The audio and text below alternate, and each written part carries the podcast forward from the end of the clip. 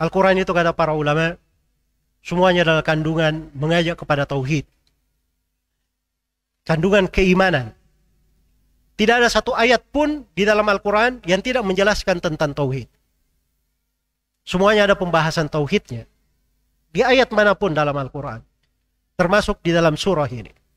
Sebab itu adalah tujuan kita diciptakan oleh Allah Subhanahu wa taala. Wa ma khalaqatul jinna wal ins illa liya'budun. Tidaklah aku menciptakan jin dan manusia kecuali untuk beribadah kepada aku. Dan Allah berfirman, "Ya ayyuhalladzina amanu taqullaha haqqa tuqati wa la tamutunna illa wa antum muslimun." Wahai orang-orang yang beriman, bertakwalah kepada Allah dengan sebenar-benar takwa.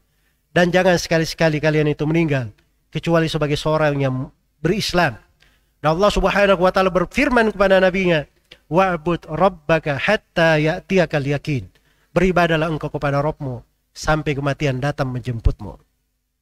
Maka hargailah dari segala nikmat yang Allah berikan. Syukuri nikmat tersebut. Hendaknya nikmat-nikmat itu membuat kita semakin baik di dalam beribadah kepada Allah Subhanahu wa taala. Jadilah orang-orang yang membawa kebersamaan, menjaga kebersatuan. Bukan orang-orang yang senang membuat perpecahan, keributan di mana pun dia berada. Di kondisi apa pun.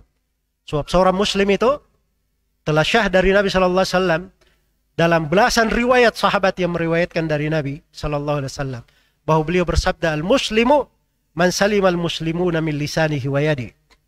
Seorang muslim itu adalah siapa yang kaum muslimin selamat dari gangguan tangan dan lisannya.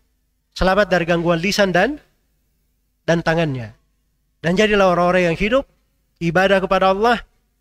Dia selamat di kehidupan dunia ini dengan beribadah kepada Allah dan selamat keluar dari kehidupan dunia ini dalam keadaan dia tidak bermasalah dengan Allah, tidak bermasalah dengan Rasulullah, tidak bermasalah dengan agama ini dan tidak bermasalah dengan siapa pun dari manusia di atas muka bumi ini.